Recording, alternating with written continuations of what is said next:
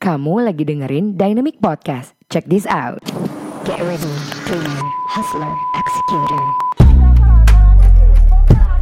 Thank you for listening to Dynamic Podcast. I'm your host Dayang Melati, founder dan juga CEO dari Dynamic Indonesia, sebuah marketing dan branding agency yang membantu para pengusaha, organisasi, hingga personality untuk berkomunikasi lebih baik agar bisa mencuri hati sehingga dapat melakukan transaksi dengan penuh percaya diri. Nah, sebentar lagi kamu akan mendengarkan cerita yang penuh kisi-kisi pelajaran dari seorang pemimpi menuju pejuang yang penuh dengan aksi. Agar segala keinginan gak hanya ke bawah mimpi. This is your Dynamic Podcast. Jangan ke bawah mimpi doang. Here we go. Hi, welcome back. This is Dynamic Podcast. Jangan ke bawah mimpi doang uh, with your host Dayang Melati and again this is amazing. Kita ketemu lagi sama teman-teman semuanya dan uh, especially love love this episode karena apa ya?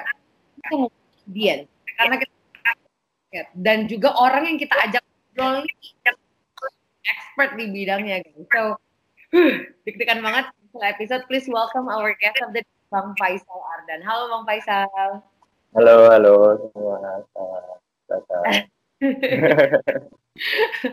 bang Faisal, aku fans loh Bang uh, konten. Oh iya. Aduh. ya alhamdulillah kalau emang ada yang suka.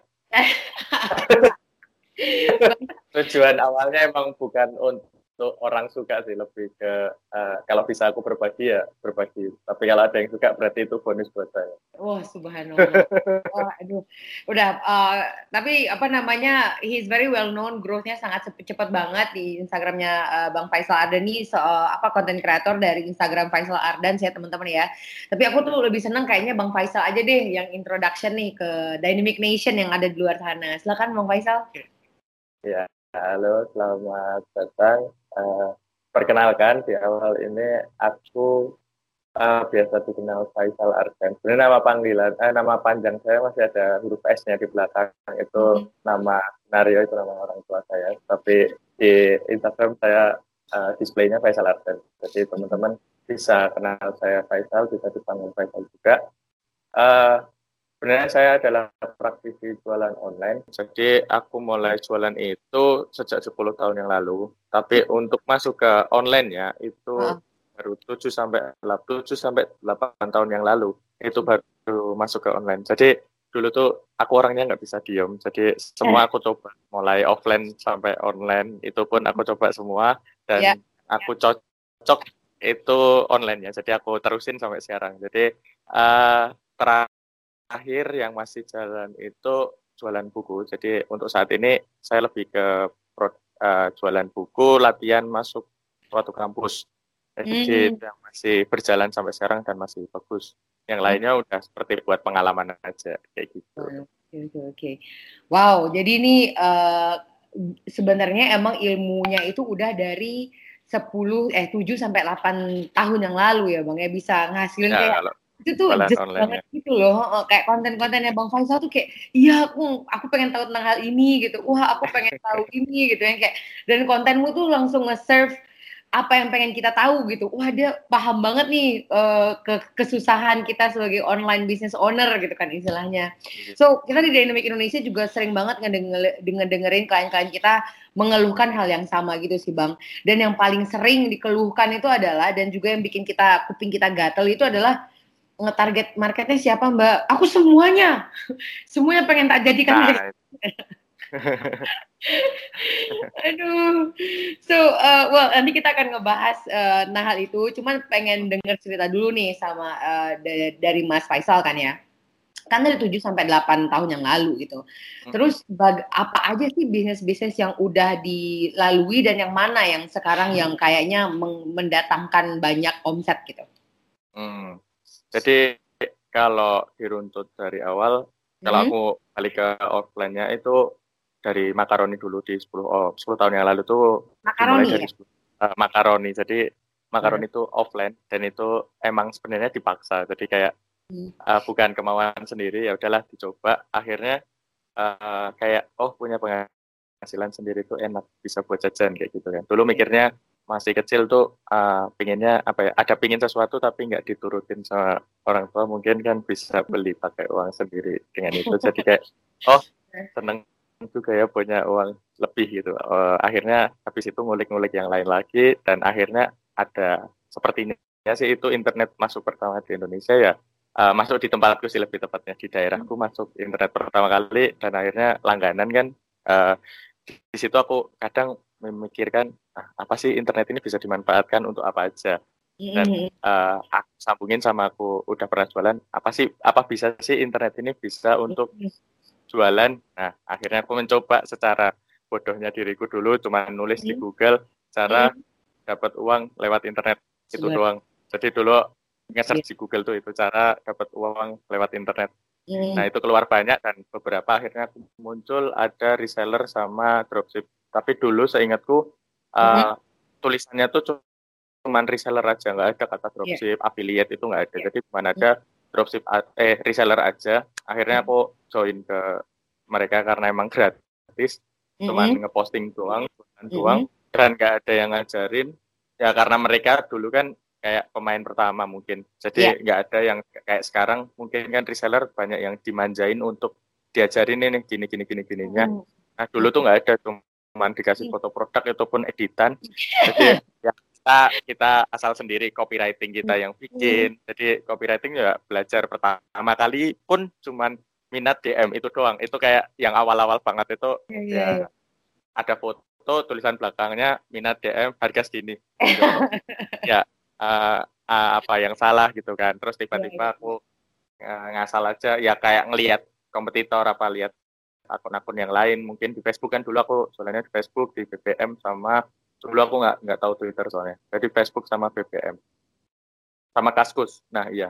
Jadi oh, iya. dulu iya, itu ngelihat ya. dari ya iya. zaman Kaskus itu ada. Jadi aku lihat uh, akun akun lain nih uh, kok jualannya ada tulisan panjang ya? Nggak cuman minat DM doang. Akhirnya aku coba nih aku adopsi terus pakai bahanku sendiri. Karena kan dulu lihatnya bukan jualan yang aku jual. Jadi aku jual dulu tuh kaos apa ya? Kaos fans atau kaos custom lah.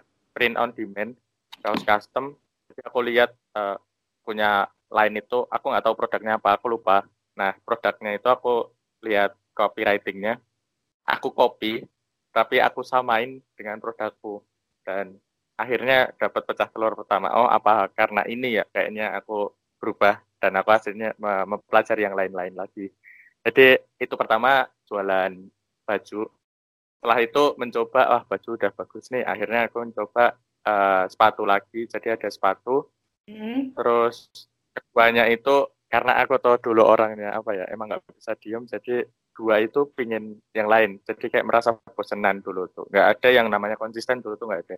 Jadi pingin nyoba baju sama sepatu. Udah beberapa bulan walaupun menghasilkan akhirnya aku memutuskan untuk ganti ke uh, persewaan Xiaomi dulu tuh ada Xiaomi G saya ingat. Kamera yeah. action cam yang dulu ada GoPro. Nah aku pakai level yang bawah karena emang uangnya nggak ada kan. Jadi aku beli dua aku sewain. Itu lewatnya juga BBM dan lewat Facebook. Dan akhirnya mendapat lagi dan memberanikan diri untuk ternak. Eh, ternak pun jualannya juga online. Jadi ada ternak sugar glider. Itu jualannya juga lewat BBM lewat Kaskus lewat website. Dulu pakai blogspot bikin blogspot. Terus uh, Facebook Facebooknya main di grup aja sih nggak ada main. Ya posting akun sendiri juga posting tapi lebih gerillianya di grup. Nah hmm. itu dulu uh, di Facebook itu pak apa ya jualan square glider itu ternak. Jadi dulu enak uh, cuman punya empat beranaknya satu orang satu ekor itu dua jadi beranak pinak jadi banyak lah jadi puluhan. Dan akhirnya aku naik ke kuliah ya aku akhirnya memutuskan karena kuliah itu jauh dari apa ya jauh dari kota. Apa ini hewan mau tak bawa semua? Kan aku juga kalau waktu itu waktu itu nggak ada pemikiran untuk membawa semua. Akhirnya ya udahlah akhirnya memutuskan untuk uh, nanti juga ada jalan lain. Oke aku jual semua. Dan akhirnya di tempat perantauan menemukan baru lagi emang dapat peluang oh ini ada masalah di sini nih. Hmm. mungkin gara-gara dulunya melihat uh, suka apa ya suka kepo lah sama masalah orang hmm. tapi cari solusinya nah akhirnya di uh, perantauan itu nemu ada oh ini ada masalah ini bolehlah kalau aku coba jualan juga jadi awalnya emang uh, nggak ngambil resiko banyak bukan yeah. sok pede produksi mm. banyak terus mm. jual enggak pertamanya juga cuman uh, tes market dulu reseller dropship dan lain-lain mm. oh kok peminatnya emang banyak ya udahlah akhirnya bisa produksi ya sampai sekarang sih kayak gitu ya produksinya pun bukan pakai uang sendiri karena biaya produksi kan gede juga jadi dulu ketemu sama seseorang yang ada dananya lah jadi saya yang mulai dari produksi sampai penjualan sampai akhir, nah wow. dia yang biayain. Produksi apa gitu. ini? Uh, buku latihan itu, buku ah. latihan uh, masuk yang masuk ke Gramedia juga sebagian. Jadi sebagiannya jualan sendiri pakai reseller dan sebagian masuk ke Gramedia. Dan itu setiap tahun sih kayak gitu. Kalau dilihat-lihat ya, kalau rangkuman dari 7 sampai 8 tahun yang lalu dirimu tuh pertama emang nggak bisa diam. Terus kedua emang kesempatan ya. Maksudnya ya, gitu.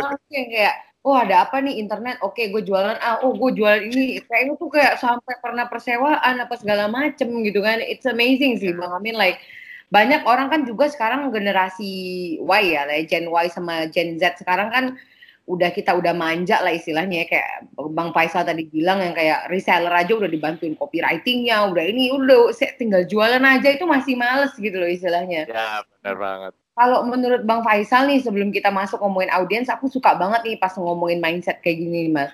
Uh, kalau seandainya kita apa sih uh, keyakinan atau mindset yang harus kita punya bagi orang yang mau merambah atau udah pengen nih cari duit secara digital itu tuh apa ya Mas Faisal?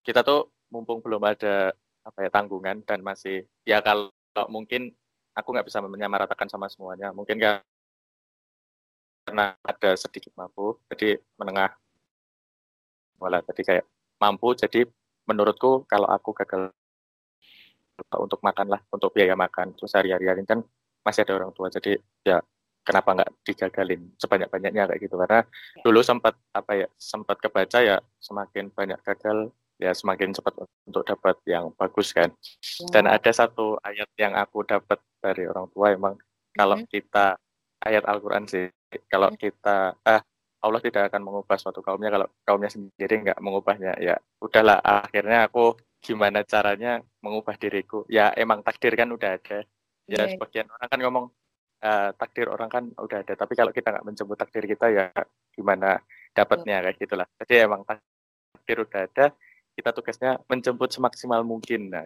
kita hmm. nggak tahu takdirnya itu yang titik mana kayak gitu. Padahal kita udah mencoba pemikirannya A tapi ternyata emang takdirnya B. Kalau kita nggak coba B kan nggak dapet kayak gitu. Intinya intinya kayak gitu sih. Terus apa ya uh, haus akan belajar karena ilmu itu nggak habis gak ada habisnya lah. Mau hmm, dicapai apa pun orang terkaya pun bisa diganti sama orang terkaya berikutnya. Orang terba, terpinter apa pun bisa digantikan. ya, ya orang terpinter pun bisa digantikan sama orang terpinter lainnya. Ya selagi bukan pembandingnya Nabi sama Allah Subhanahu Wa Taala juga bakal ada penggantinya terus lah kayak gitu. Hmm. terus apa ya? Hmm, nggak hmm, mudah nyerah karena emang kita nggak bisa dapat hasil itu cepat ya itu uh, apa ya agak. Ya mungkin ini juga ada satu kelemahan di aku juga mungkin sebagian hmm. karena setiap orang punya pinginnya itu instan. Nggak ada nggak apa ya nggak bisa bohong lah. Semua orang tuh pinginnya juga instan. Tapi kita nggak yang uh, meresapi itu banget lah. Ya kalau kita boleh lah kita pingin gimana sih cepet dapat cepet tapi ya kita harus pahami dulu ada proses di situ. Buat ya ada yang sukses itu uh, langsung gitu. Walaupun aku menyadari aku juga belum sukses tapi aku melihat orang sukses pun nggak dapet segampang itu gitu loh. Nggak ada yang dia mencoba pertama seminggu langsung sukses tuh kayaknya aku belum melihat biografi yang seperti itu. Kalau ada pun ya bagus lah. Makanya aku punya pemikiran untuk uh, uh, selalu mencoba kayak gitu. Hmm, Oke, okay benerin aku kalau salah ya Mas Faisal ya karena ini menurut aku bagus banget untuk teman-teman yang Dynamic Nation yang lagi dengerin di luar sana. Mindset yang harus kita punya ketika kita mau benar-benar terjun ke bisnis digital pertama emang mau keinginan ingin berubah dari diri sendiri terus belajar ya Mas ya. Terus apa itu? Terus belajar terus uh, semangat ya. Terus apa lagi Mas tadi? Nggak takut gagal. Oh, nggak takut gagal. Oh, yes. Jadi ada empat ya Mas ya? Ini versinya Mas Faisal nih guys. Jadi mau berubah, terus belajar, terus semangat dan nggak takut gagal karena kita selalu one step ahead ya Mas ya. Maksudnya mungkin aja setelah gagal katanya sukses itu kata Mbak siapa aku lupa gagal plus satu ya Mas ya. Karena di setiap kesusahan ada kemudahan gitu. Hmm, keren. Aku penasaran deh, Mas Faisal ini di mana sih lokasinya sekarang? Saya ini sebenarnya kebetulan baru di Solo, tapi emang uh, sehari-hari saya di Karawang. Oh, jadi biasanya di Solo ya sekarang ya? Kalau sekarang baru baru di Solo aja. Seminggu aku di Solo. Tapi emang biasanya di Karawang. Oh di Karawang, oke, okay. wow dari Karawang menuju Indonesia ya. nah ini nih hasil riset yang menurut aku juga yang kayak uh, good banget itu tahun 2000 uh, eh, tahun lalu ya Mas ya. Uh, dulu tuh Mei uh, 2020 Mas Faisal ini masih 2,3 ribuan. Oke, okay. ini di Mei di Mei ini pandemi pandemi kria ya Mas ya. Mas sekarang udah 67 ribu kak gitu kan. Apa sih? Apa yang dirimu lakukan dalam kok berapa ya? Mei, Juni, Juli, Agustus, September, Oktober, November, Desember. Berarti selama 8 bulan ini naiknya spektakuler banget. What happened? nah. uh, sebenarnya kalau dilihat apa ya spektakuler, ya aku selalu melihat orang di atas sih. Jadi ada orang yang lebih tinggi juga yang bisa beberapa bulan langsung 100 juga ada di TikTok mungkin atau di Instagram yang beberapa bulan udah 70-an aku juga udah lihat ada. Tapi kalau aku pribadi itu karena emang uh, ya itu tadi balik aku nggak bisa diem kan. Jadi hmm. karena pandemi uh, waktunya jadi yang biasanya di jalan jadi lebih longgar lah. Jadi ada waktu sisa ya, ya karena nggak bisa diem itu tadi memanfaatkan gimana caranya ah Instagramku kayaknya dari dulu udah lama aku bikin dari beberapa tahun yang lalu dari Instagram masuk ke Indonesia tapi nggak ada manfaat manfaatnya sama sekali cuman buat jualan aja kan. Uh, jualan berarti aku bisa mendapatkan uang dari mereka tapi kenapa aku nggak bisa membagikan apa yang aku bisa gitu. Ya udahlah iseng-iseng dulu nggak ada yang namanya serius untuk berbagi itu nggak ada cuman iseng apa yang aku bisa bagi. Uh, Mei itu aku jalan aja coba aku jalan iseng aku bagiin dan akhirnya aku menemukan sama eh, mentor-mentor yang udah berpengalaman dulu. Aku ikutin kelas mereka ikutin ikutin cara mereka dan aku praktekin ya. Akhirnya uh, naiknya itu di naik gila-gilanya itu di Oktober sih sebenarnya. Hmm. jadi dulu itu um, mau sempet ya itu tadi eh, nggak uh, takut apa ya nggak takut gagal atau nggak takut mau mencoba terus. Karena di bulan fun fact-nya itu di bulan sebelum Oktober itu aku mau nyerah. Jadi ah apa sih ini nggak ada hasilnya apa pun, nggak yeah. ada apa-apa. Maksudnya nggak ada feedback apa pun lah.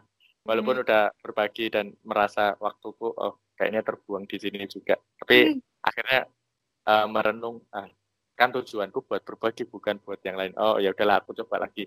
Dan akhirnya uh, aku sharing, aku perbaiki lagi apa yang kurang menarik ya. Apa karena tujuanku ingin membagikan ke banyak orang otomatis gimana caranya orang banyak orang itu suka sama konten itu hmm. ya uh, aku pelajari dan akhirnya emang ada yang salah dari desainku hmm. mungkin kurang menarik tulisanku mungkin kurang gampang dibaca yeah, uh, yeah. banyak dan lain-lain akhirnya aku ubah dan ya jadi boom waktu itu dan akhirnya emang titiknya tinggi itu karena aku ajak kolaborasi banyak orang juga di di awal Agustus ingatku Agustus bulan 9 itu aku banyak aja kolaborasi sama orang mulai dari live, mulai dari uh, tukeran konten dari sama microblogger yeah. itu mm. akhirnya bisa naik di Oktober kayak gitu dan berlanjut sampai sekarang sih kayak gitu. Yeah. Jadi emang banyaknya kolaborasi untuk menaikkan kan tujuannya untuk menaikkan distribusi aja kan, menaikkan penyebaran. Makanya saya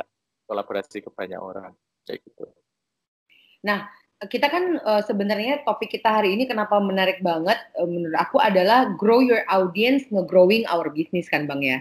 Kalau uh, frankly nih kayak belak-belakan aja, seberapa besar sih dampaknya uh, Bang Faisal uh, nge, apa namanya growing audience itu kepada growing uh, growing your business punya omset itu seberapa besar? Oh, gini. Uh, karena tujuannya, jadi setiap orang kan membuat akun itu ada beberapa tujuan nih. Ada yang tujuannya untuk menaikkan omset, ada yang tujuannya cuma mengenalkan diri, ada yang tujuannya cuma berbagi. Nah, aku masuknya itu mengenalkan diri sama berbagi aja. Jadi emang hmm. dari awal, awal tujuannya bukan untuk me menaikkan jualannya, karena aku merasa emang target market yang aku jual ini terlalu spesifik. Kalau aku ngambil itu, otomatis yang aku sharing di Instagram bukan tentang jualan online, tapi lebih ke uh, gimana caranya masuk ke kampus itu. Aku bisa naikin uh, personal branding situ. Makanya tujuannya bukan ke kenaikan jualannya, tapi lebih ingin mengenalkan diriku ke banyak orang, lebih ingin menambah teman-teman yang baru dan hmm. lebih bermanfaat di akun Instagram ini. Nah, tujuannya emang berhasil. Jadi akhir-akhir akhir tahun apa beberapa bulan belakangan ini banyak orang yang orang yang dulunya saya fansin, maksudnya apa ya, aku kagum dengan mereka, akhirnya aku bisa berkolaborasi, bisa hmm. ngobrol, bisa kerjasama. Nah itu emang goal saya sih, jadi kayak menambah lini bisnis yang lain. Jadi emang ada baru hmm. uh, dan emang belum bisa disebutkan karena emang core-nya emang jualan buku itu tadi. Makanya bilangnya emang yeah. jualan buku walaupun ada bisnis yang lain. Iya ya. Oh, jadi emang dampaknya gede banget ya Bang ya berarti ya. Uh, dari kolabo sehingga orang-orang yang gede-gede yang dulu ini tuh jadi bisa berkolaborasi bersama gitu ya. Nah, Tapi kalau emang dari cerita teman-teman mm-hmm. untuk yang tujuan yang menaikkan bisnis emang naik juga. Tapi emang kebanyakan yang gampang naik itu kalau personal branding biasanya di bidang jasa. Kalau produk emang agak nggak begitu signifikan. Tapi kalau jasa bisa gila-gilaan. Misal dia punya jasa editing, bisa punya jasa foto, kalau punya personal branding udah naik gila-gilaan sih. Iya, iya, iya. Oh, wow. Okay. Jasa sosmed dan lain-lain itu bisa gila-gilaan. Kalau jasa ya. Tapi yeah. kalau produk, aku belum dapat cerita yang naik banget sih. Kecuali hmm. di TikTok. Kalau di TikTok emang produknya. TikTok juga kah? Iya, tapi belum belum belum banyak lah. Baru yeah. masih belajar. Yep. Ih, Bang Faisal, aku tuh menarik banget nih pas Bang Faisal tadi ngomong kan, iya aku juga ngambil kelas mentoring dan segala macam dan biasanya kan strategi orang tuh berbeda-beda ya Bang ya. Setiap konten kreator tuh dia akhirnya walaupun belajar sana sini akhirnya dia nemuin patternnya dia sendiri gitu. Kalau patternnya Bang Faisal untuk membentuk atau mengklasifikasikan target market itu ada nggak Bang Faisal? Ada dulu. Hmm. Sebenarnya aku uh, paling gampang itu emang tanya ke audiens kita. Jadi walaupun mungkin mungkin pertama orang berpikiran audiensnya kan kecil ya. Kita mau tanya ke mereka juga takutnya banyak orang tuh takut untuk nggak dibales. Iya, nah, iya, iya. Biasanya mereka tuh insecure lah kalau aku nggak nggak ya aku asal tanya aja tanya sekali dua kali baru akhirnya dibales. Dan aku mendapatkan kayak kritikan emang uh, terlalu luas apa yang aku bahas dulu. Makanya nggak oh. naik-naik. Gitu ya? Ya terlalu luas kan naik naik kali dulu itu aku cuma nulis apa ya saya ingat digital marketing sama bisnis online mm-hmm. menurutku itu masih terlalu besar karena emang bisnis online pun sendiri masih ada bawah-bawahnya lagi digital marketing juga masih ada bawah-bawahnya sendiri akhirnya di beberapa bulan aku ngubah jadi jualan online sama uh, eh, SMM atau social media marketing dan itu mm-hmm. emang yang aku banyak uh, jalanin kayak gitu yeah, yeah. dari Nah, jadi aku emang lebih spesifikin itu sih biar agak besar audiensnya. Jadi orang nggak nggak bingung juga masuk ke eh, ke aku tuh siapa sih kayak gitu. Ya, ya, Walaupun ya. nanti akhirnya bisa digedein lagi, tapi emang dari awal dikecilin dulu, dispesifikin dulu. Hmm, iya. Berarti pertama survei langsung ke audiensnya ya. Kamu nah, tuh kalau apa? emang di audiensnya nggak ada yang bales sih, teman-teman dulu lah, teman-teman sendiri. Karena emang gini kalau aku hmm. dulu pakainya akun lama. Akun lama itu kan audiensnya teman-teman sendiri tuh dan teman-teman sendiri nggak bisa kita paksain sama suka sama kayak kita kan sama kayak yang kita bahas. Makanya ya kita survei ke teman-teman. Mereka tuh suka iya. nggak yeah. sih yang kayak gimana dan lain-lain. Dan akhirnya uh, menemukan yang tepat lah. Aku kadang juga nanya kalian tuh kenal aku sebagai apa? Nah aku akhirnya lebih dalamin di situ. Soalnya ternyata di marketing terlalu tinggi ya terlalu bukan terlalu tinggi terlalu luas makanya hmm. udah aku kerucutin lah hmm. gitu Oh, berarti apakah tipsnya cuma itu Bang Faisal? Nanya ke customer maunya apa atau ada yang lain? kalau dari sisi target market aku emang kayak gitu sih tanya ke teman-teman tanya ke audiens tanya ke mentor mungkin mungkin mereka kritik apa ya aku tanyain ke semua semua orang pun hmm gitu ya bang ya oke okay. sip sip sip terus sip, ya tadi uh, dari segi mungkin dari segi warna tapi itu bukan target market kalau target market saya ikut itu aja Hmm, gitu ya Bang ya. Nah, jadi kalau seandainya itu kan untuk membentuk target market. Nah, sekarang Bang Faisal bilang, oh iya gue akhirnya pengen menetapkan pengen SMM, social media marketing sama apa tadi Bang? Online.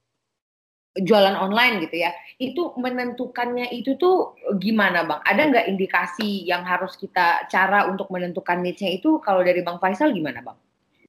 Uh, yang pertama kita tuh kalau jual mengenai jualan mungkin mengenai skill-skill apa pun kita tanya sama diri sendiri dulu kita tuh udah lama di bidang apa kita tuh tertarik sama apa kita tuh kalau bahas itu tuh kecapean enggak itu ibaratnya gitu jadi kalau kita mau bahas katakanlah jualan online tentang ya tentang copywriting lah katakanlah hmm. uh, tuh kalau bahas itu capek nggak sih pusing nggak sih uh, yeah. membuang waktu nggak sih kalau misal merasa kita seneng misal kita mau membahas itu tuh cepet oh berarti emang ya kita suka di situ mungkin beberapa orang lebih cepat untuk membahas tentang editing yeah, uh, yeah. tentang gimana cara video tentang, mm -hmm. cara uh, foto yang baik mm -hmm. ya itu kan setiap kelebihan masing-masing. Dan itu emang perlu dicari karena setiap orang aku yakin punya kelebihan. Itu udah pasti nggak mungkin setiap orang nggak ada kelebihannya. Orang itu nggak mungkin. Nah emang itu perlu dicari gimana carinya. Kalau aku pribadi emang harus dicoba. Makanya aku orangnya nggak diem kan mencari jati diri. Semuanya aku coba mana yang aku suka mana yang aku senang mana yang aku nyaman. Yaitu yeah. aku coba. Kebanyakan orang itu biasanya bingung uh, aku passionnya di mana itu karena nggak mau nyoba aja sih mm. ya gimana tahu kita passionnya di situ kalau nggak nyoba kita ketemu Hmm, oke. Okay. Jadi emang Mbak uh, Bang Faisal nih ini yang aku suka banget nih menurut aku golden ticket banget ya untuk teman-teman Dynamic Nation uh, Dynamic Nation yang sekarang lagi mau bingung nyobain niche yang mana. Ternyata emang malah harus nyoba banyak hal ya Bang ya. Sehingga kita tahu gitu. Aku suka nih yang iya. ini gitu ya. Aku nggak suka yang ini gitu. Itu ibarat kayak jualan juga kayak gitu sih. Uh, misal dropship, bidang dropship pun karena kita nggak modal ya kita yeah. tuh bisa tes market sebenarnya kita produknya nyomot dari orang-orang kan kita misal ikut dropship A dropship B yang nggak modal mungkin kita ambil fotonya mereka kita posting aja yeah. kalau ada yang atau banyak yang suka yaudah kita jalan di situ itu mm. cara tes market tapi kalau udah advance mungkin tes marketnya bisa pakai FBS ah. jadi eh, Google Ads atau Facebook Ads ya uh, risetnya kayak gitu gitu. Jadi semua diposting di Facebook Ads, mana yang bagus, mana yang sesuai targeting kita ya udah. Hmm, gitu. Jadi kalau seandainya pengen pengen pengen pengen pengen uh, apa namanya kalau pengen uh, pengen tahu lebih banyak dropshipping coba-coba bisa dioptimasi pakai Facebook Ads, Google Ads kalau nggak nge, kalau nggak bagus ganti lagi gitu ya Mas ya. Kalau mau tes produk kalau aku pribadi kayak gitu. Hmm, oke okay, oke okay, oke. Okay. So uh, apa tuh namanya? Uh, kalau menurut Bang Faisal nih, kan kita ngomongin audiens, tadi udah udah dikasih tahu cara nentuin target market, nge-niche-nya kayak gimana. Nah, kalau menurut uh, Bang Faisal tuh nge-grow-nya mereka itu momentumnya itu pas kapan kalau di bisnisnya Bang Faisal? Kan udah lama ya, 8 tahun gitu kan yang kayak udah jadi pedagang, pebisnis. Momentum naik itu pas kapan sih Bang biasanya? Pas mereka peng growing gitu. Kalau ditanyain momentumnya kapan saya pun sendiri bingung. Karena momentum tuh main kayak gimana ya? Kita tuh uh, kita berusaha nanti ketemu momentum tuh sama takdir dari Allah. Itu menurutku pribadi ya. Jadi kita nyoba misal kalau aku gambarin apa ya di bawah itu kayak zigzag ini nah yang atas tuh kayak takdir Tuhan gitu. Nah kita tuh kayak jemput klopnya tuh di mana kayak gitu nah itu menurutku momentum tuh di situ jadi makanya kita diminta untuk berusaha terus itu buat menemukan momentum. Kalau ditanya momentumnya apa, menurutku setiap orang momentumnya beda-beda karena kita nggak hmm. bisa bandingin setiap orang momentumnya. Uh, kita harus sukses di uh, percobaan keberapa, di bulan keberapa itu nggak bisa setiap orang punya jalannya masing-masing, waktunya masing-masing, momentumnya masing-masing. Itu sih. Oke, jadi terus aja ber, berkarya gitu ya Bang Faisal ya, karena kita nggak tahu momentumnya kapan, ngegrow-nya kapan gitu ya. Kan bisa jadi tadi kalau aku ngomongin tentang Instagram pun, yang tentang personal branding ini juga uh, sebelumnya mau menyerah kan, tapi kan nggak tahu sebenarnya uh, momentumnya kapan. Tiba-tiba punya pikiran, ah aku mau nyoba lagi karena tujuannya udah uh, hmm. untuk berbagi, akhirnya dapat momentum di situ. Hmm, oke oke oke. Wah, amazing. Aku suka banget sih Bang yang pas dirimu bilang tadi karena kayak kalau mau nyari, te nyari teori mah di mana-mana ya. Maksudnya banyak banget gitu loh istilahnya yang kayak Sekarang udah banyak banget dulu emang nyari susah sih aku dari tujuh tahun yang lalu nyari itu susah. Tapi kalau sekarang udah digratisin banyak orang kok. Oh. Tinggal hanya mau atau enggak. Hmm. Siap, siap, siap. Nah, kalau menurut uh, Bang Faisal nih, seandainya uh, teman-teman di luar sana udah punya, udah punya, udah punya bisnis, udah punya database ya, udah punya audiens gitu istilahnya. Nah, sekarang pe mereka pengen nge-grow bisnisnya itu seperti apa? Untuk nge-link itu loh Bang, yang kayak aku udah punya punya kolam, aku punya bisnis. Ada nggak tips and trick dari Bang Faisal yang kayak, oh ya lu harus kayak gini loh, diginiin loh istilahnya audiens ke bisnismu itu ada nggak Bang? Kalau aku pribadi kalau udah uh, bisnisnya jalan dan udah punya audiens mungkin udah ada pelanggan cara scale up-nya bisa nambah gimana cara trafficnya diperbanyak. Jadi mungkin kalau belum untuk biasanya pakainya organik mungkin pakainya TikTok aja atau Instagram aja bisa ditambah pakai uh, Facebook Ads atau Google Ads atau TikTok Ads itu bisa di karena mereka kan membantu untuk mencari orang yang serupa. Jadi misal kita udah punya audiens status, kalau kita udah punya misal ini pakai audiens status, terus dibantu Facebook Ads atau oh, Suaranya menggema bang, bisa diinin nggak bang? Ya. Uh, uh, misal kita punya audiensnya 100 katakanlah tadi ya, uh. tapi kita scale up-nya pakai online ads tadi, misal kayak mm Facebook Ads, Google Ads atau TikTok Ads. Nah itu kita bisa dibantu sama platform mereka untuk dicari kan orang yang serupa, jadi bisa lebih banyak lagi. Misal kita punya orang identik yang suka beli dengan produk kita 100, nanti dibantu platform itu untuk mencarikan seribu orang yang sama, jadi bisa untuk scale up sih. Hmm, Kayak gitu. Tapi kalau udah pakai ya, nah, gimana? Itu berarti kata Bang Faisal kalau seandainya udah punya kayak gitu untuk nge-grow ke bisnisnya coba pakai Facebook Ads atau Google Ads, pakai audiens look alike gitu ya? Ya benar itu. Hmm, hmm, itu seperti itu. Jadi itu investasinya di riset lagi otomatis nanti kan kalau belum pernah nyoba di online ads otomatis mulai dari awal lagi investasi buat riset lagi. Karena yeah. emang membutuhkan biaya sih. Yes. Tapi kalau kalau menurut aku sih nggak tahu ya menurut Bang Faisal ya itu tuh maksudnya Mark Zuckerberg itu kan nggak bodoh pasti ya. Kamu udah dikasih platform gratis gitu kan istilahnya. Ya boyo untuk online ads ya nginvest dikit lah gitu kalau yeah. pengen scale up gitu kan. Tapi kalau boleh cari eh, curi-curi info nih dari Bang Faisal, dulu pas waktu nge-growing Instagram konten, dirimu ada make online ads juga nggak dulu? Uh, kalau jujur dulu awal-awal ya pakai, tapi nggak ngefek sih. Karena emang apa ya balik lagi semua tuh ke konten Hmm. Kalau kita percuma kita pakai uh, online ads tapi konten kita memang enggak ya aku ngomongnya mungkin kontenku dulu ya kontenku sampah dulu ya. Ya hmm. percuma kita ngabis-ngabisin duit kan. Yeah. makanya yang penting tuh kontennya disukai. Misal katakanlah sekarang udah saya uh, kontenku udah banyak yang suka ya katakanlah. Nah itu baru bisa aku adsin lagi udah bisa maksimal. Kalau dulu mungkin kontenku aja udah nggak disukain ngapain aku ads gitu. Momentumnya salah kayak gitu. Jadi kalau mau pakai ads ya uh, kontennya bagus dulu. Daripada hmm. nanti ngeluarin ngeluarin biaya yang banyak sih. Ya itu buat efisiensi aja tapi kalau dananya banyak ya silakan ah bu. Kalau dananya banyak ya silahkan gitu ya. Nah bang Faisal aku yakin nih uh, banyak banget dari Dynamic Nation nih biasanya habis ngeposting podcast biasanya pada nge DM Dynamic Indonesia. Tolong tanyain dong kesalahan-kesalahan yang dilakukan oleh pemula gitu. Banyak banget tuh bang biasanya yang nanya hal kayak gitu. Nah kalau seandainya selama kita nge-grow audiens ini nih bang Faisal apa ya kesalahan-kesalahan yang biasanya dilakuin supaya kita nih yang dengerin sekarang nggak ngelakuin lagi gitu? Apa tuh bang? Ini ngomongnya grow akun ya berarti ya? Ya, nge-grow akun dulu Nah, deh.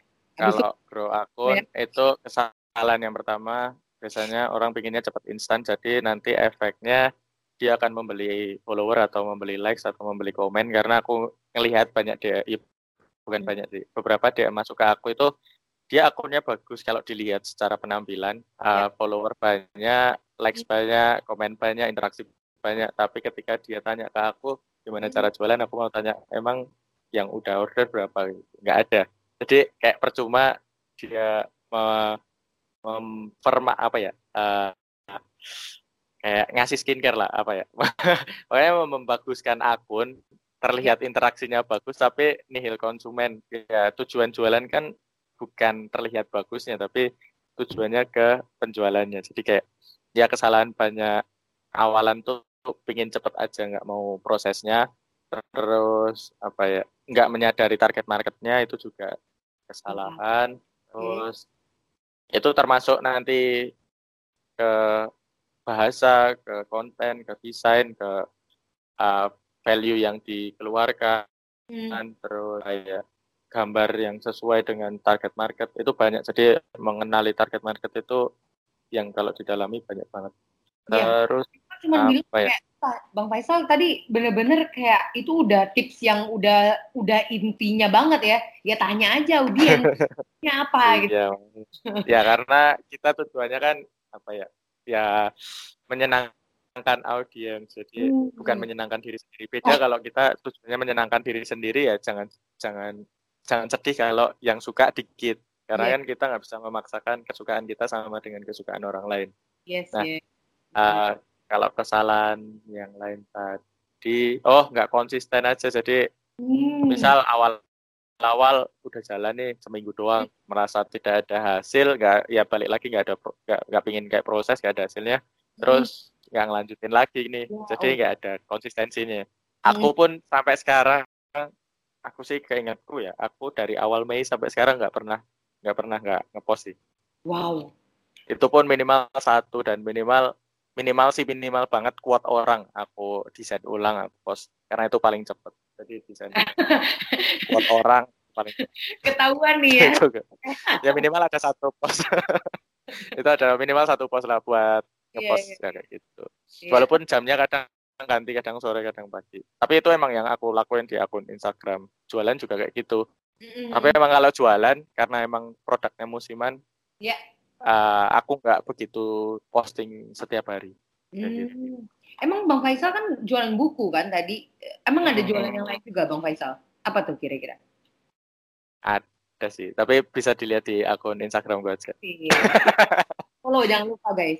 Aku suka banget tadi Bang Faisal nge-highlight kayak jangan maunya instan, abis itu emang nggak menyadari target market dari konten yang maunya apa, desainnya, gambarnya, terus nggak konsisten ya Bang ya.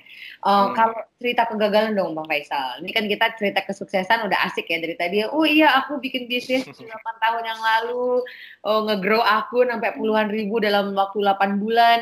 Apa sih kegagalan selama Bang Faisal menjadi seorang pebisnis sih yang nggak bisa Bang Faisal lupain dan apa pelajarannya dari situ? Hmm, oh kalau kegagalan tuh biasanya sebenarnya sejujurnya kalau aku mengingat kegagalan tuh lupa karena aku punya mindset nggak mengingat kegagalanku. Tapi ya kalau dipaksa nginget ada sih. Aku aku coba ingat beberapa aja.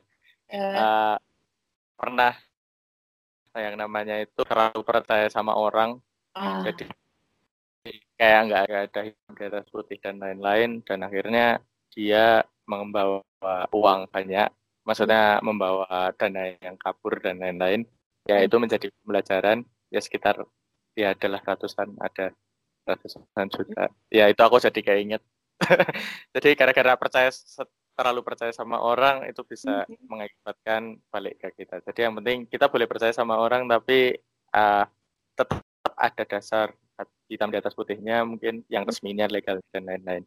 Ya, walaupun itu warga kayak gitu. Ya. Hmm, walaupun sedekat apa pun ah, ya tetap kita ada profesional karena emang hubungannya kan profesional.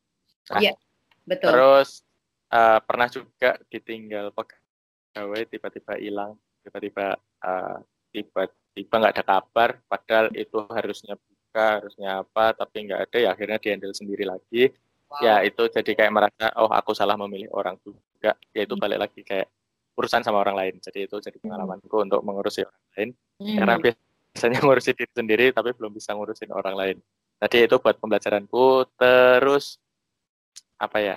Oh, ada juga kegagalan dalam hal karena dulu mainnya pre-order. Hmm. Yang order banyak, misal saya ingatku sih 20 ribuan biji. Jadi udah di order banyak. Tapi suppliernya itu molor. Hmm. Nah, kita udah janji janji di hari H lah katakan apa ya di iya. hari Senin lah eh tanggal tanggal A lah katakanlah tanggal hmm. 12 katakanlah. Tapi suppliernya emang molor sekitar seminggu, sebulan bahkan. Nah, itu yang efeknya itu jadi kayak gembleng mental sih. Jadi kayak oh. ditelepon terus, dimarah-marahin, dimaki-maki. Eh, Jadi yang pertama ya ada lah yang pertama di apa ya uh, emosional balik marah dan lain-lain ya ada pertama-tama dapat mm api seperti itu ya adalah mental-mental kita oh, mau balas marah-marah mereka tuh ada tapi tiba-tiba yeah. uh, merenung aja kalau aku uh, marahin mereka tiba-tiba besok ke depannya dia nggak mau order lagi kan ya berapi buat aku sih makanya yeah, yeah. ini terakhir aku membalas kemarahan mereka dan mm. menjawab dengan apa adanya. Gak apa-apa lah aku disalahin, yang penting uh, dia seneng kayak gitu. Intinya aku uh, menjelaskan apa yang terjadi apa adanya, mm. uh, terus meminta pengalaman, uh, meminta per, pengertian mereka dengan yeah. cara kalau kayak gitu tuh jadi kayak bisa uh, gimana caranya mengatasi orang yang dulunya itu cuman bisa ngatasin pakai chat kan itu online ya dulu jadi yeah. cuman ngatasin chat kan chat itu bisa jadi uh, arti yang berbeda. Setiap orang kan baca chat itu beda-beda. Ada yang kita merasa itu udah biasa aja. Setiap orang ada yang ada yang membacanya itu kita marah-marah. Tergantung hmm. nada nada se, se, nada si pembaca atau tanda baca yang kita pakai kan.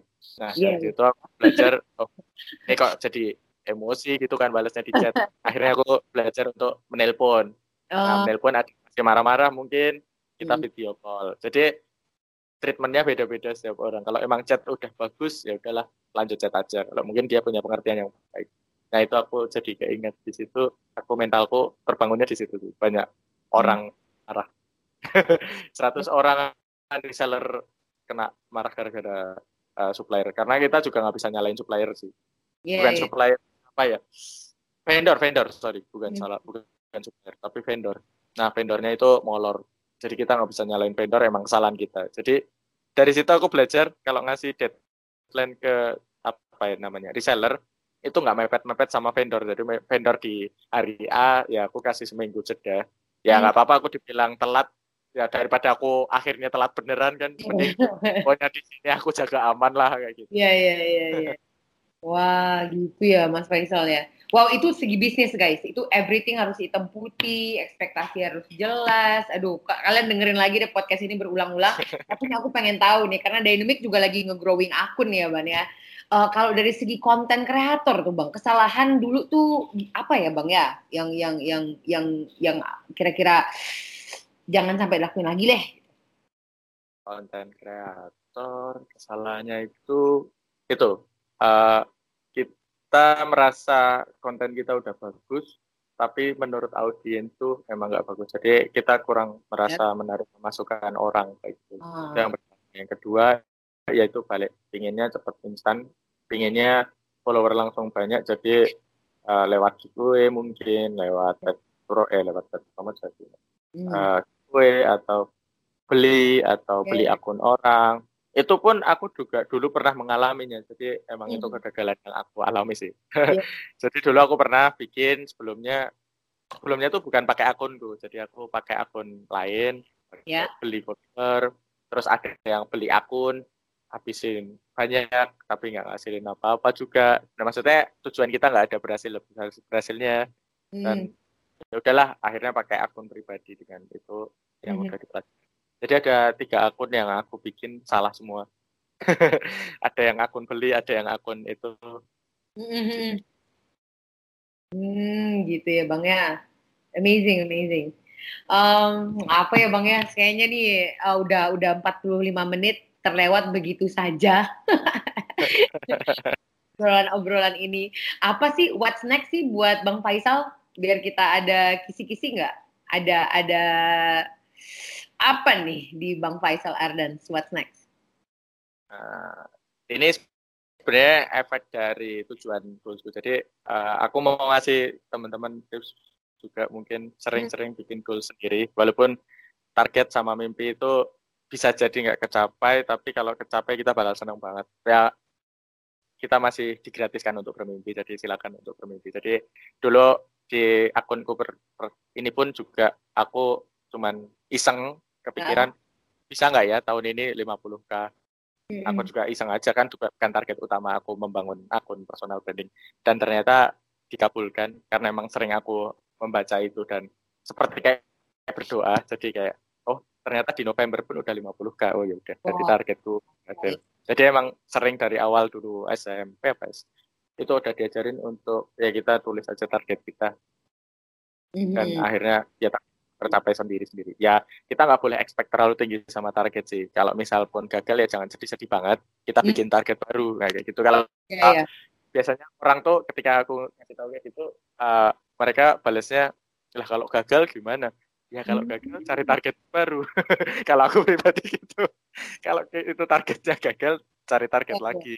Hmm. yang masih bisa tercapai itu aku pribadi. Jadi uh, kalau ditanya what's next-nya itu karena dulu tujuannya bikin akun ini untuk menambah banyak relasi.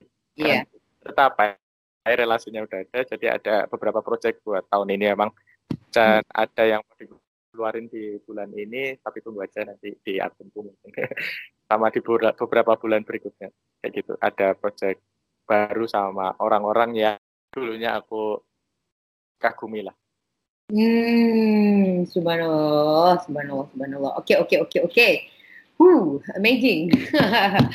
so, uh, thank you banget ya, uh, Bang Faisal udah uh, apa namanya stay tune di podcast kita.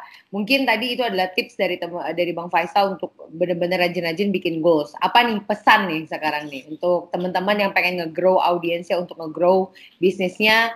Silakan Bang, closing statement. Apa ya?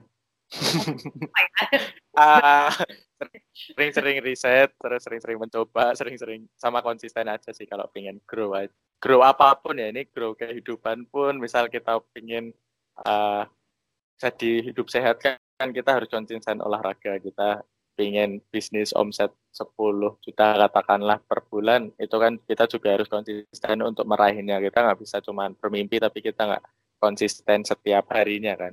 Ya itu uh, kalau aku pesannya yang penting konsisten, terus banyak riset, banyak evaluasi, dengerin banyak orang, terus hmm. apa ya, udah sih. Saya mau nyoba itu biasanya biasanya. Hmm. Jangan takut untuk mencoba ya bang ya. Mm -mm. Oke, okay. sip. Thank you Bang uh, Faisal udah stay tune di. Dynamic Podcast yang ke, ke bawah mimpi doang itu kayak banyak banget dari cerita sampai tips-tips yang parah itu udah dikasih satu dua ya sama Bang Faisal tadi ya. Jadi terserah kita yang dengerin sekarang Dynamic Nation, kalian mau take action dari semua itu atau cuman ya ya udahlah ya dengerin next podcast gitu. Sedih banget. tapi ya, tapi satu hal juga yang uh, aku perlu highlight sebelum kita tutup podcast ini adalah ketika Bang Faisal ngomong jangan pernah berhenti untuk belajar. Wah itu tuh dalam banget sih, bener ya Bang ya. Tapi jangan hanya belajar aja ya Bang ya kalau nggak dipraktekin. Ya, ya belajar pengalaman. Oke, okay. thank you Bang Faisal. Uh, thank you banget waktunya dan semua Dynamic Nation yang udah dengerin kali ini. This is the end of our this episode podcast. Sampai ketemu di next episode. Saya Dayang Melati dan saya Faisal. Terima kasih. Sampai ketemu teman-teman. yeah. Semuanya bye-bye. Assalamualaikum.